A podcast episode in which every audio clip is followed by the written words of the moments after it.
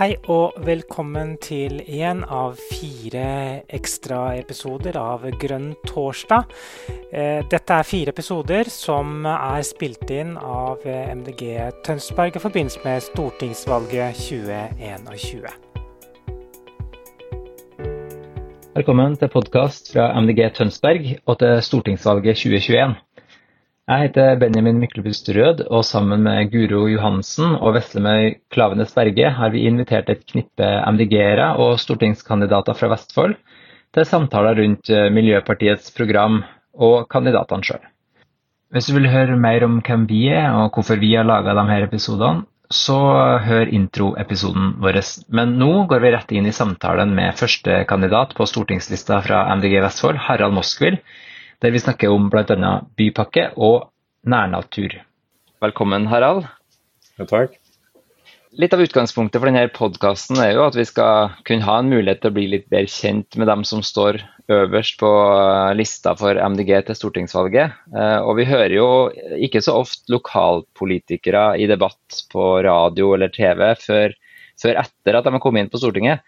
Så, så vi, vi, kan jo gjerne begynne med å høre litt mer om eh, hvem du er. Eh, Sjøl har jeg jo truffet deg flere ganger og sett deg i, i, aksjon en del ganger som fylkespolitiker i Vestfold og Telemark. Men, men først, altså, hvem er du, og, og hva driver du med når det, når det ikke er valgkamp?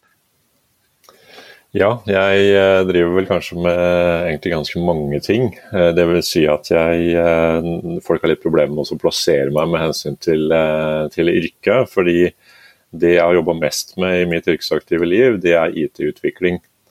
Eh, og da som leder, ikke som programmerer, fordi jeg kan ikke programmere, men eh, jeg kan relativt mye om IT-utvikling fordi som økonom og som leder. Eh, så jeg har brukt 35 år på å utvikle et økonomisystem. Utvikle, selge og promotere det i hele Norge. Det er det jeg har brukt det meste av arbeidstida mi på. Så ved siden av det så er jeg bonde. Eh, produserer økologisk eh, såkorn, eller eh, korn og erter. Det varierer litt fra år til år. Og også skogeier og er sånn sett opptatt av skog. Og for, at, for å gjøre bildet helt komplett eller gjøre det enda mer forvirrende, alt ettersom du ser det, så driver jeg også en varmesentral som bruker da virke fra denne skogen, eventuelt også fra andre skoger, til å varme opp en brannstasjon, en barnehage og noen flere bygg, eh, leilighetsbygg og litt sånt noe. Så det er vel kanskje kortutgaven av hva jeg driver med som yrke. Eh, bor på, da, på et gårdsbruk, eh, Nykirke i Horten kommune. Eh, gift og tre barn. Mm. Ja, og, og, på etternavnet Moskvil så kan man vel eh, kanskje slutte at du ikke er innflytter til, til Horten og, og Nykirke òg, eller? Nei, det er ikke det. Nå var det enkelte som mente at min familie var innflyttere, men det var fordi vi kom så sent som i 1820 ja. til bygda. Eh, så jeg tror vi kan regne oss som eh, rimelig liksom, lokale på bygda Nykirke. Og det er et par sånne Moskvilnavnet har et par sånne mm, kjennetegn, holdt jeg på å si. Det ene er moskvilbær, som noen har eh, opplevd å smake i, butikken, eh, som du får, solgt, får kjøpt i disse dager. Eh, og det andre er noe som heter moskvilkorn og frørenseri, som eh, ligger langs E18, og som også har vært et sånt kjennemerke som mange har sett når de har kjørt forbi på E18. Og Det er fra det området hvor jeg kommer ifra. Eh, og det er familienavnet og den frørenseri var vel der jeg lærte å dyrke korn, eller lærte hvordan man skal behandle korn. Mm. Men uh, nå nevnte jo litt sånn energiløsninger sånn, og jeg har jo støtt uh, og, og, brukt deg litt i den forrige jobben min i Vestfold klima- og energiforum, fordi du har uh, sol på låvetaket òg. Så du har mange energijern i ilden. Ja, jeg har det. Altså energi Det er litt sånn at ved siden av å være økonom, så er jeg nok også, også en ganske sånn uh, nysgjerrig teknolog. Uh, men jeg er ikke ingeniør, men ganske nysgjerrig på alt som rører seg av teknologi. Og dermed så startet dette med biovarme. Det starta med at jeg laget et biovarmeanlegg på gårdsbruket først. Uh, for å varme opp to bolighus og korntørk og sånt. Uh, og så ble jo det der litt uh, spennende, og, og, tenkte at dette kunne vi gjøre mer av. Og så bygde jeg da denne varmesentralen som varmer opp brannstasjonen. Og så i etterkant så har jeg funnet ut at det må gå an å lage energi på andre måter, og da ble det solceller på låvetaket. Og forskjellen på disse to er jo formidabel, fordi at solcellene på låvetaket ligger jo helt stille. Og det er minimalt med vedlikehold. Og ingen arbeidsinnsats for å få energi. Mens da mm. disse andre anleggene de må jo driftes. Men mm. alt dette her produserer energi, så jeg er liksom, liksom ekstra nysgjerrig på det. Så jeg ønsker meg jo egentlig også en vindmølle, men det er foreløpig ikke blitt noe Ja, riktig. Pluss at det eh, blåser jo relativt lite her, da.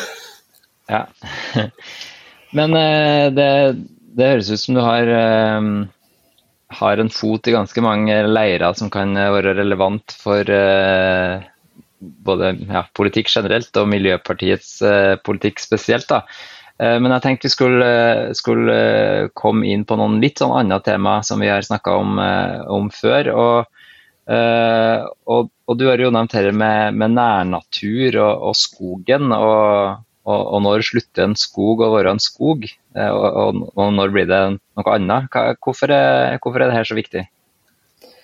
Nei, Det har nok sammenheng med at uh, når jeg ikke gjør alt det som vi nå har snakket om, så uh, går jeg og kona mi uh, mye i naturen, i terrenget. og da går vi i skogen, og vi går kyststien gjennom Vestfold. Dvs. Si at vi går i, i fjæra.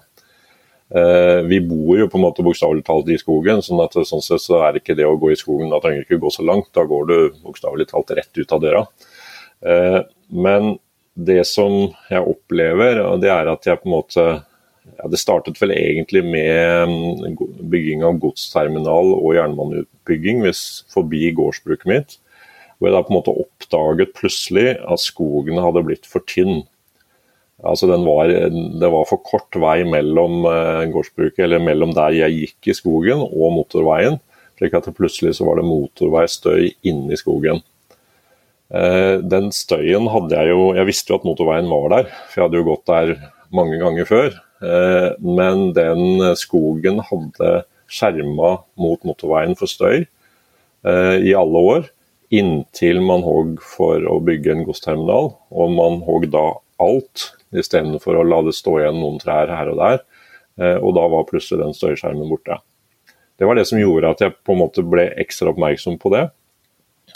Og som Uh, og så har du på en måte litt av det samme jeg også ser, med at jeg ser rådyr og storfugl eller type storfugl og andre som på en måte du ser at de flytter på seg. De liker seg ikke. altså De, de har rett og slett problemer med hvor de skal være.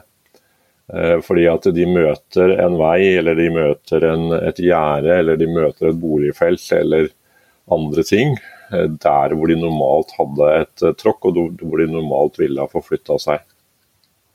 Og, og Dette er jo problemstillinga som dukker opp uh, igjen og igjen. Du, du nevnte noe jernbane, ikke sant? og det jo, er jo noe som MDG er for. Og, og, vi støter jo på sånne type arealutfordringer i, i, mange andre sammenhenger. Som, vi snakker om nye batterifabrikker, datasentre, eh, alt mulig sånn nullutslippsindustri, men som krever areal. og Da, da er det jo ofte skogen som står for, eh, for hugg, altså bokstavelig talt. Eh, eh, er, er liksom trusselen for, på det med, med, nærnatur, eller den liksom skogen nærme, nærme oss menneskene og, og byer og tettsteder, er den like viktig som, som mer verning av villmarka, eller hvordan, hvordan er det her, hvis vi tenker fra dyr og, og fauna sitt perspektiv? da? Ja, altså det som, eh, du kan si det som mye skjer når vi tar en nærnatur eh, og bygger den ned, det er jo at vi fjerner mye, mm, vi fjerner mye organisk materiale. Det er et problem i forhold til karbonutslipp. Eh, men vi fjerner også mye artsmangfold i form av blomster og, og urter og, og, ting som gror der, i tillegg til trær. Og det som er typisk kanskje i Vestfold, er jo at vi har mange, vi har mange treslag som vi fjerner når vi fjerner et skogsholt. Vi fjerner ikke ett slag, sånn som du vil gjøre hvis du tenker at du er på en furumo et eller annet sted i Norge. Eh, vi fjerner egentlig et helt økosystem. Uh, og Det er et ganske stort tap, som, som sånn i artsmangfoldsammenheng kan være like stort som, uh, som den ville naturen. Men det som på en måte dette koker ned til, det er at vi har en voldsom appetitt på å forbruke natur. Altså når vi, når vi skal gjøre alt det som du nevnte av liksom nye teknologier og nye ting, eller noe så banalt som et boligfelt eller kjøpesenter, så er liksom naturen bare i veien. Det er, liksom, det er bare om å gjøre å få rydda vekk den, slik at vi kan lage det som vi skal lage. Eh, og den appetitten der, den har på en måte tatt overhånd. og det er, den, det er der man ikke da på en måte, eller Det jeg ønsker å belyse, da, det er at uh, her går det noen grenser. altså Når, når liksom natur, naturområdet blir så lite, så smalt. altså Det går fra å være en, en, skog hvor du kunne på en måte gå i et kvarter uten å se noe, eller kanskje en halv time uten å se verken veier eller infrastruktur eller næringsområder eller lignende, eh, til at du bare i løpet av fem minutter så er du ute igjen på andre siden. Da, da har den mista enormt kvaliteter som rekreasjonsområde for mennesker, og akkurat på samme måte for vilt. Men det som det koker ned til i forhold til dette med hvordan skal vi gjøre dette, så er det jo en, en ganske sentral ting. det er at vi må, Når vi skal bygge et eller annet som vi har lyst til å bygge, så må vi først se oss om og se om det er arealer som vi allerede har rappa fra naturen. Og så bygge der. Og Det finnes det jo drøssevis av. Eh, sånne grå områder rundt i både i byene våre og også utenfor byene, som vi av en eller annen grunn har laget et næringsområde eller et eller annet for tidligere. Men så ble det ikke noe, og så er det en eller annen slags parkeringsplass av et eller annet slag. Det finnes det drøssevis av sånne områder, men så har man en eller annen bortforklaring om at det passer ikke akkurat der. Så der så tramper vi ut i naturen. Mm. Men du nevnte jo eh, strandsonen. Der er det jo kanskje ikke så mye industri, men mer eh, bebyggelse som er, er utfordringa. Um, og, og, her har jo Vestfold vært kanskje en hotspot for den slags type problemstillinger. Uh, der vil jo kanskje ikke alternativet være å bygge hytta på en uh, parkeringsplass uh, på et industriområde i stedet for nærme sjøen. Men hvilke eh, mekanismer kan vi se for oss at eh, vi kan ta i bruk for å, å bevare strandsonen, eller kanskje til og med tilbakeføre strandsonen i Vestfold? Når det gjelder strandsonen, så er det jo egentlig Der står det jo på en måte valget mellom om du skal være én familie eller noen få personer som skal på en måte nyte godt av et fellesgode, eller om det skal være noe som mange kan nyte godt av. Det er på en måte diskusjoner eller strandsonen. Eh, og Det som liksom fram til nå har vært greia, er at eh, hvis et enkeltindivid har lyst til å bygge noe eh, i strandsonen, i utgangspunktet ikke innenfor 100-meterssonen, men også innenfor 100-meterssonen, så har man gitt lov til det, og man har også, også gitt dispensasjon til det. Fordi dette ser så pent ut, og det er bare den ene. Men så glemmer man det store tapet for samfunnet og for allmennheten. Eh, men når det gjelder strandsonen, så er det jeg har sett litt på i det senere, det er jo at, eh, at eh, når det gjelder antall hytter, så mangler vi ikke hytter. Men vi mangler egentlig folk til å bruke dem. Fordi at vi, Hvis vi ser på hyttene langs sjøen, så er det jo ikke folk på de. Altså De er jo ikke fulle. Eh, vi, har, vi, skal se om vi skal gjøre det, men vi har vurdert å ta en liten døraksjon og banke på dører på hytter og se hvor mange som er hjemme. Eh, og statistikken tilsier at hyttene brukes eh, under 10% av året. Altså vi ligger på sånn 25-35 dager i året. Det vil si at det er ganske god plass på disse hyttene. Og Det er et eksempel på vår ressursbruk. At vi skal, okay, vi skal bygge en hytte som egentlig er et hus nummer to, og så skal det stå der og være ubrukt da 95% av året. Eh, og så skal vi da ha en eh, bil som vi bruker og Der kan vi bruke en lignende prosent, så det er ikke så mange biler. bilene står stort sett stille. Eh, og så har vi en båt på samme måte som også ligger hvis, dere, hvis, man ser i båthavna nå, så ligger jo de fleste båtene i båthavna. De er jo ikke ute på sjøen, selv om det er ganske trangt i sundet ved, ved Husøy nå. Eh, sånn at Det er liksom modellen hele tiden, at vi skal ha en masse ting som utgangspunkt skal ligge helt stille, og som, som da tar natur. Mm. Ja, det, det, er det samme mekanismene for, for, kanskje mesteparten av forbruket vårt. At vi breier oss og tar, tar, mer plass for ting vi kanskje ikke alltid trenger. Ja, og det, som, og det er jo kanskje ja. det som er i forlengelsen av det, så er det på en måte poenget det at vi det hjelper på en måte ikke så mye å si at vi skal liksom Det hjelper ikke å si at vi skal ha en smart bruk av natur, for at naturen er borte. Uh, og, det gjelder, og, det gjelder, litt av det samme innenfor selve klimaspørsmålet. altså at En smart utvikling, den aller smarteste utviklingen, er å stille seg i en posisjon hvor man ikke trenger objektet. Mm. Da har man 100 klimareduksjon. Mm. Eh, men eh, nå starta vi jo med at du er, er økobonde. Og, og, eh, så ble det mye snakk om eh, skog og, og strand. Men, men, du har jo engasjert deg som, som lokal, lokalpolitiker i Vestfold og Telemark òg innenfor det med nedbygging av, av matjord. Eh, det er jo òg noe som det er eh, press på.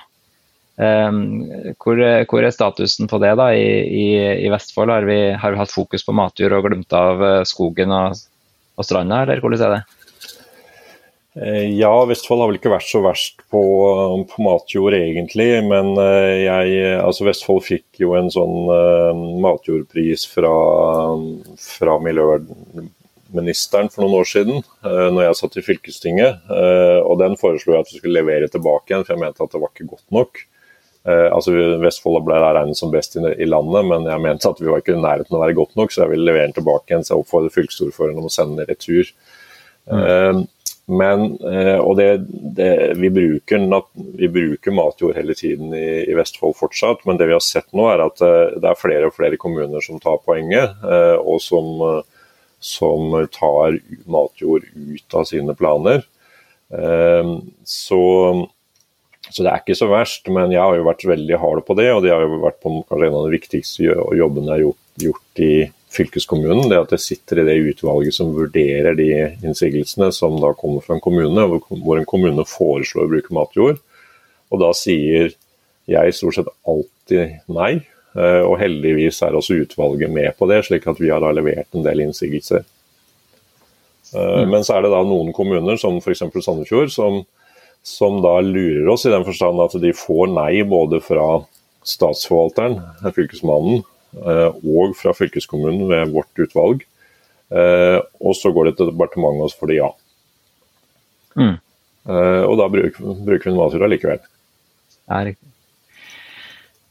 Ok, jeg tenkte vi skulle gå over til et annet tema, selv om dette med natur, både betydninga for folk og, og, dyr og planteliv, er et stort tema vi sikkert kunne snakka mer om. Så, så, tenkte jeg vi måtte snakke litt om dette med, med bypakka. Eh, og det har jo spesielt vært relevant i Tønsberg, der hvor eh, jeg bor, eh, med den omdiskuterte brua mellom fastlandet og Nøtterøy. Men der har jo òg du som, som, fylkespolitiker engasjert deg. Og og i hvert fall jeg, da, som, som kanskje er mer enn middels opptatt av miljø- og klimapolitikk, jeg synes at, eller og for så vidt samferdsel, jeg syns det med bypakka er veldig vanskelig å, å henge med på og vanskelig å forstå. Både fordi at det er så komplekst, det er så mange ting som henger sammen, men òg fordi at det strekker seg så langt i tid at jeg føler at jeg var ikke med på den debatten som skjedde for to år siden, så jeg skjønner liksom ikke hva dere snakker om nå. Eh, men eh, hva er liksom eh, potensialet for, for vår region når det kommer til bypakka, og hva, hva er utfordringene, og hvor, hvor, passer brua inn i det, i det her bildet?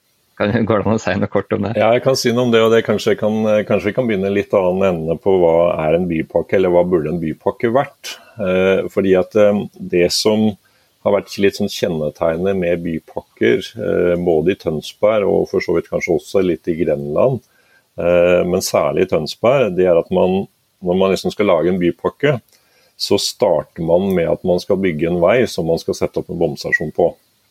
Og så er det den bomstasjonen som skal finansiere bypakka.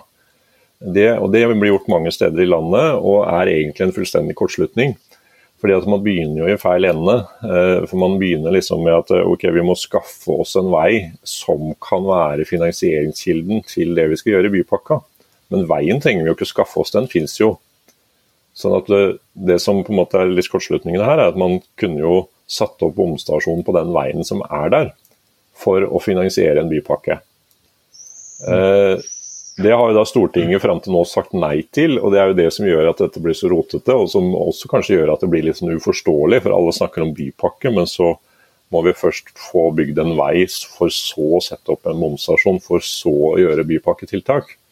Mm. Mens det vi burde gjort, var jo å starte med bypakketiltakene, og så søke bompengefinansiering på det uten å bygge en vei. Og dette forsøkte vi å få gjennom i fylkestinget i Vestfold i 2017, eller var det vel? Eh, og mangla én eller to stemmer på å få det til. Og så gikk da Høyre og Arbeiderpartiet sammen og ble enige om at vi skal ha vei. Mm.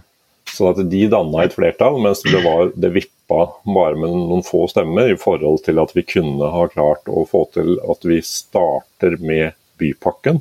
Og så vurderer vi om vi trenger å bygge en ny vei etterpå. Mm. Men, men, generelt så er bypakka er et slags sånn spleiselag mellom eh, lokale myndigheter og, og eh, bompenger og Statens vegvesen og, og, staten, er ikke det sånn? Jo, det som skjer er jo at um, eller kan si sånn som Bypakke Tønsberg er, har jo utgangspunktet ikke statsfinansiering i hele tatt. Uh, slik at den er basert på at det er bompengene pluss en egenandel fra kommune og fylke som skal, som skal finansiere dette. Og Det var den egenandelen som var det siste som skjedde i bypakka nå for et års tid siden. At eh, departementet satte opp grensen for egenandelen til 20% og du fikk ikke lov å bruke momsen til den, det formålet. Og da hadde de plutselig ikke nok penger til egenandelen. Og det har de strengt tatt ikke nå heller. Det, med den prisøkningen som ligger inne i modellen, så er det problem med egenandelen. Men det er egentlig ikke statsstøtte på dette. Eh, sånn at det er en bompengefinansiert bypakke. Men så har vi bypakke som i Grenland, som er statsfinansiert bypakke. Den er helt annerledes og har sånn sett mye mer penger. og Den har også mer penger til, til sykkel, kollektivtilbud osv. Og, så og som er grunnen til at Grenland har en mye lavere kollektiv- eller busspris, momspris, enn det vi har i Vestfold. Sånn at det er liksom, Her er en sånn skikkelig blanding av alt mulig rart. Men det som jeg tenker når det gjelder eh, Tønsberg, det er at vi skulle hatt en bypakke med hovedfokus på kollektiv og sykkel. Eh, og så eh, kunne man, eh, eller så må man mest sannsynlig også for at det skal Både for at bussen skal fungere, og for å få å si, døyva det behovet for ekstra bro i forhold til sikkerhet, så trenger man å bygge en bro ved siden av dagens kanalbro. Men det er egentlig bare en kort bro som er samme lengde som dagens, og som da kan være kun forbeholdt buss eller for den saks skyld kun forbeholdt sykkel. Eh, men som da eh, også fungerer som en avlastning hvis den andre burba skulle gå i stykker. Eh, og så kunne man da bruke alle de bompengene man tar inn, til å bygge sykkelveier. Og til å lage kollektivfelt, slik at bussen smetter forbi der hvor den i dag står i kø. Eh, og så tenker man ikke bygge noen veisystemer. Og sånn som vi har ment i forhold til Bypakke Tønsberg, så burde man jo gått for en sykkelandel på kanskje 15-20 I dag er den 6 eller noe sånt nå. Eh, den har faktisk vært oppe i 11 før det ble bygd vei forrige gang, som et lite paradoks. Altså når mm. veien åpna det ble mer kapasitet på veien, så sank sykkelandelen. Så vi mm. Hva, hva slags vei du tenker på da? Nei, Det var vel eh, det var Frodåstunnelen, tror jeg. Ja, ja, riktig. Jeg tror når den ble bygd, og den ble, eh, sånn at vi hadde en ganske høy sykkelandel i Tønsberg, og så har den falt da fra 11 til 6. Men hvis vi hadde mm. tenkt oss en sykkelandel på 15-20% så ville vi ha hatt en eh, helt annen by. Eh, da mm. hadde vi, og Det som er veldig morsomt med det, er at vi ville hatt en helt annen by, og mest sannsynlig også en helt annen folkehelse. Da mm. ville vi hatt veldig mange som hadde sykla på jobben hver dag, og som hadde sykla for så vidt ikke noen sånne kjempestrekninger. Vi snakker om sånn fem, åtte, maks ti kilometer. Eh, og, og, bybildet ville vært helt annerledes enn det er i dag. Mm. Ja, jeg, jeg, bor jo sjøl i en eh, litt utafor Tønsberg sentrum, der man nå har bygd denne Presterødbakken og utvida ja. den. Eh, og, og, og, hvis man ser det sånn rent eh, transportmessig, så er jo det en sånn åpenbar eh, fjerning av en flaskehals, fordi du, har, du hadde tidligere en innsnevring før veien deler seg opp. ikke sant? Eh, mm, sånn at du, ja, du, hadde en propp der. Så det var veldig sånn nærliggende å fjerne den, men samtidig så er jo det det er jo et tiltak som gjør at, at kapasiteten øker, at det blir lettere å, å kjøre bil, stikk i strid med målsetningene. Og, og da den ble bygd, så ble jo folk oppfordra til å sykle imens, ja. imens byggeprosessen foregikk. Eh, men det er veldig nærliggende da å tenke at eh, da kunne vi jo løst det her med å bare lagt til rette for mer sykling i stedet for å bygge veien. da, og så eh, spare både pengene og, og bidratt. Eh, men, og, og, i senere tid så har man jo hatt problemer med, med det liksom bussfeltet der, og, og velger å gå bort ifra det. Og i mm, tillegg har òg bompengene blitt fjerna nå i et sånt ekstraordinært tiltak i revidert statsbudsjett. Så nå har vi liksom bygd ut veien og så fjerna bompengene i tillegg. Så nå, eh, nå framstår det jo som et, eh, et ganske ensretta biltrafikkprosjekt. da. Altså Prestebakken er jo sånn sett fullstendig mislykka som bypakkeprosjekt. for det Som du er inne på, så har man jo nå på en måte mista alle aspektene av den. fordi at Bypakken var jo altså Den var bygd med tanke på en bedre fremkommelighet for sykkel og for buss. Eh, og så har den resultert i en bedre fremkommelighet for bil. Og Det som, det som Prestebakken egentlig er et kjempegodt eksempel på, det er at man driver her hele tiden og så løser eh, problemstillingen med for mange biler på veien med å bygge mer vei. Mm. Og man da, Hvis man da hadde på en måte bygd mer vei hele strekningen, slik at bilene på en måte hadde blitt borte. Nå blir aldri bilene borte, men hvis man liksom tenker seg at man hadde bygd ny, ny vei hele strekningen fram til der som bilene skulle, da, hvis de skulle til et sted, så hadde du løst problemet. Men det som skjer nå, er jo at man bygger en strekning fordi at her er det kø. Og så blir man veldig overrasket da to år etterpå når den veien åpnes, om at køen har oppstått et annet sted. Mm. Ikke sant? Det samme som det er snakk om Sems-linja, altså fra Sem og inn til Tønsberg. Så er det jo nå kø hver dag klokka fire, i hvert fall unntatt koronatida. Eh, og tilsvarende også om morgenen. Og så tenker man at ok, dette må vi løse fordi at vi må få fire felt. Hvor kommer køen da? På vei inn så kommer jo da selvfølgelig køen inne i byen. Mm. Istedenfor ute på Semslinja. Uh, og når, eh, når den, den, andre veien, så blir jo køen der på innkjøringen til E18 eller inne i Semsbyen. Fordi at Da har du liksom flytta de raskt forbi det punktet, og så har de bare landa et annet sted. Og Sånn holder vi på i biltrafikken. og Så går vi ikke til kjernen og sier at her er det for mange biler på veien. Men vi må løse det på en annen måte. Vi må spørre de som bor der kunne du tenkt deg å komme deg til byen på en annen måte. F.eks. med en elsykkel. Mm. Ja, jeg, jeg, tok et sånn uh, lite overslag på den gangen at uh, med den kostnaden til, for brua til Nøtterøy, så kunne du ha spandert en elsykkel på en uh, 40 000-50 000 på alle innbyggerne som er, er på, på øysida.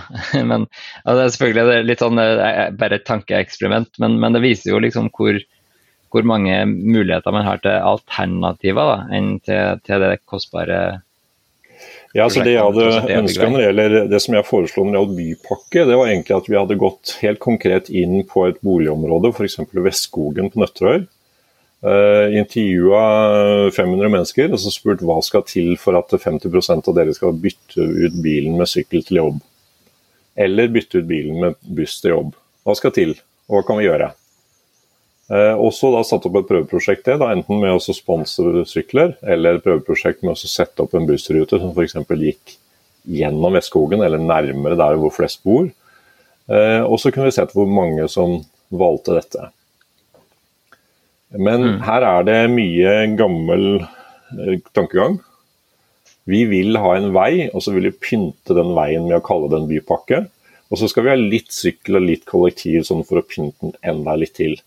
Og Det vi har sagt nå når det gjelder Bypakke Tønsberg, det er at en kollektiv- og sykkelandel som i dag ligger på 15% i totalbudsjettet for det prosjektet der, den vil vi nekte å godkjenne i Stortinget som en bompengefinansiering. Vi ville helst hatt den motsatt. 15% vei, 85% kollektiv og sykkel. Ja, riktig. Og dette viser jo, tenker jeg, litt sånn hvordan eh, Miljøpartiet tenker litt annerledes på det med finansiering og, og hvordan uh, uh, ja, hvordan vi bygger opp samfunnsutviklinga. Eh, og, og, et siste tema jeg tenkte vi skulle innom, som, som, vi har snakka om før, er jo dette med, med, skole og, og hvordan vi kan sørge for flere lærere. Og, og, som det står i, i arbeidsprogrammet for kommende stortingsperiode da, for MDG, at man skal at et godt og inkluderende læringsmiljø er viktig i seg sjøl, både som en forutsetning for læring og utvikling, eh, men òg at dyktige og motiverte lærere er avgjørende for elevens læringsutbytte. Og De Grønne vil sørge for at vi har nok lærere med god tilgang på etter- og videreutdanning, og at lærerne støttes av en ledelse, lærerteam og andre fagfolk som kan følge opp sosiale helsefaglige spørsmål. Og, uh, nå gjør vi et stort sprang fra bypakke over til litt sånn skolepolitikk, men men uh, det samme gjelder her, at mange vil ha sagt hvordan skal vi få, få råd til det her? Og ha flere lærere, og kanskje lærerne føler seg pressa i dag til å ha ja, har mange, De har mange elever og de har mange ting de skal rekke over, i tillegg til å lære folk brøk og, og grammatikk. så hvordan passer en sånn grønn tankegang inn i, i finansiering her, tenker du? Ja, Når det gjelder det temaet med, med, lærere og på en måte skole og eh, kanskje kapasitet i skolen, eh, så har jeg som økonom eh, også i fylkestinget kasta inn noen ideer når det gjelder dette her. Eh, og det går på at, og jeg har vel sågar også i fylkestinget jeg, jeg ba i fylkestinget om en vurdering eller en slags beregning av kostnadene som Eh, Nav, fylkeskommunen og kommunene hadde knyttet til elever som faller ut av skolen. Eh, på fylkestinget så vil det da si videregående skole. Eh, men det jeg var ute etter, det var å se hvor mye penger vi bruker på å hjelpe de som ikke passer inn i skoleverket. Og så hadde jeg veldig lyst til å bruke de pengene til noe helt annet. Eh, og Grunnen til at vi hadde fokus på dette, er at Vestfold ligger veldig dårlig an i statistikken for unge uføre. Eh, vi er faktisk dårligst i Norge på den utviklingen der, og har veldig mange unge uføre. Eh, som da av forskjellige årsaker faller ut av både studie og arbeidsliv. Og Dette betyr jo da store kostnader for Nav. Og det jeg tenkte var at disse pengene må vi flytte til forebyggende arbeid, eller unngå at ungdom havner i den situasjonen, istedenfor at vi bare driver og betaler det ut eh, og tenker at eh, eh, vi får bare betale, for vi finner ikke på noe bedre. Og Da gikk jeg egentlig tilbake igjen til hva skal vi kalle ressurspersonene i barneskole, ungdomsskole og lignende i tidligere hvor du hadde personer som egentlig hadde en rolle som sekretær, eh, eller som eh, sentralbord, eller som eh, nærmest vertskap, altså som tok imot de som kom på skolen og som lurte på hvor de skulle, eller sånt noe. Eller vaktmester, eller forskjellige forhold, former for roller. Altså Det var en kapasitet, det var en del folk som var utenfor klasserommet. De folka har vi mer og mer rasjonalisert bort, for vi skal spare penger. Når det gjelder vaktmesteren, så ser vi jo det på vedlikehold på bygningene, så det går, ganske, det går ganske voldsomt utover det. For det er ingen som vedlikeholder bygningene. For vaktmesteren han er bare ambulerende, så han ramler inn innimellom. Eh, og gjør noen småjobber på ting som må gjøres, og så blir de store jobbene bare skjøvet på. Eh, og Når det gjelder den andre ting, så er det sånn at du, du må jo grunnen finne fram sjøl hvis du kommer på en skole, for det er ingen som har tid til å ta imot deg, for alle er opptatt. Så det jeg tenker er at Istedenfor å spare på hver eneste krone, hver eneste stilling i skolen, med det resultatet at læreren får alle, alle oppgavene, eh, og veldig mange oppgaver utover det å være direkte i læringsposisjon, eh, den sparingen der, den tror jeg vi som samfunn taper mye penger på. For de som mm. da ikke er A4-elever, det er absolutt ikke jeg, eh, og det er mange andre som ikke er det, eh, de passer ikke inn i den undervisningen. Og det er ganske håpløst for en lærer som da har ansvaret for i småskolen helt opp til 28 elever, å kunne klare å fange opp alle disse. Og klare å være lærere for alle. Så det jeg egentlig sier, er at vi trenger flere personer inn i skolen som ikke nødvendigvis er lærere, mm. men som har forskjellige former for støttefunksjoner nå har jeg snakket om praktikere, men kan, det selvfølgelig, eh, dette handler jo om, eh, om um, helsesøster, det handler om sosialteam, det handler om snakkepersoner, som jeg vet at enkelte ungdomsskoler har prøvd ut. Det handler rett og slett om personer rundt elevene som ikke er direkte i undervisningsposisjon. Det som jeg tenker da, det er at dette koster relativt lite penger i forhold til å godta at unge uføre blir uføre resten av livet. Mm -hmm. Uh, og som økonom da, så driver jeg hele tiden og regner på sånt når det surrer opp i hodet her. ikke sant? Altså, får jeg et regnestykke, så har jeg en tendens til å fullføre det. Eh, mhm. og Det jeg da bare sånn kjapt regnet ut, er at hvis man ser for seg at Nav da skal betale ut en uførestønad livet ut, så vil altså én stilling som kan være med å unngå at noen blir unge uføre. Det holder da at én stilling holder det at den unngår at det to unge uføre Altså det er to unge uføre som blir uføre. Mm. Altså to unge som faller utenfor. Og Det som er mm. interessant med regnestykket, er at når jeg da setter opp det regnestykket, så, det, så vil ikke det si per år for den støtte, støttefunksjonen, men for hele den personens yrkesaktive alder. Mm. Så Det trenger ikke være at denne personen har eh, to personer man må unngå i skoleåret 2021-2022, men i hele, hele, karrieren deres. Hele karrieren, altså på sånn 30-40 år, liksom. Mm. Sånn at Hvis den støttefunksjonen i løpet av 30-40 år klarer å unngå at to personer havner som unge uføre og havner på Nav sitt budsjett, så er regnestykket mm. gått opp. Mm.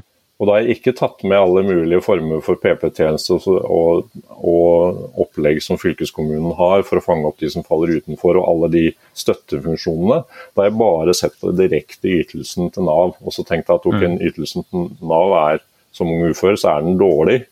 Så hvis du ganger den med to, så får du lønna. Mm. Ja.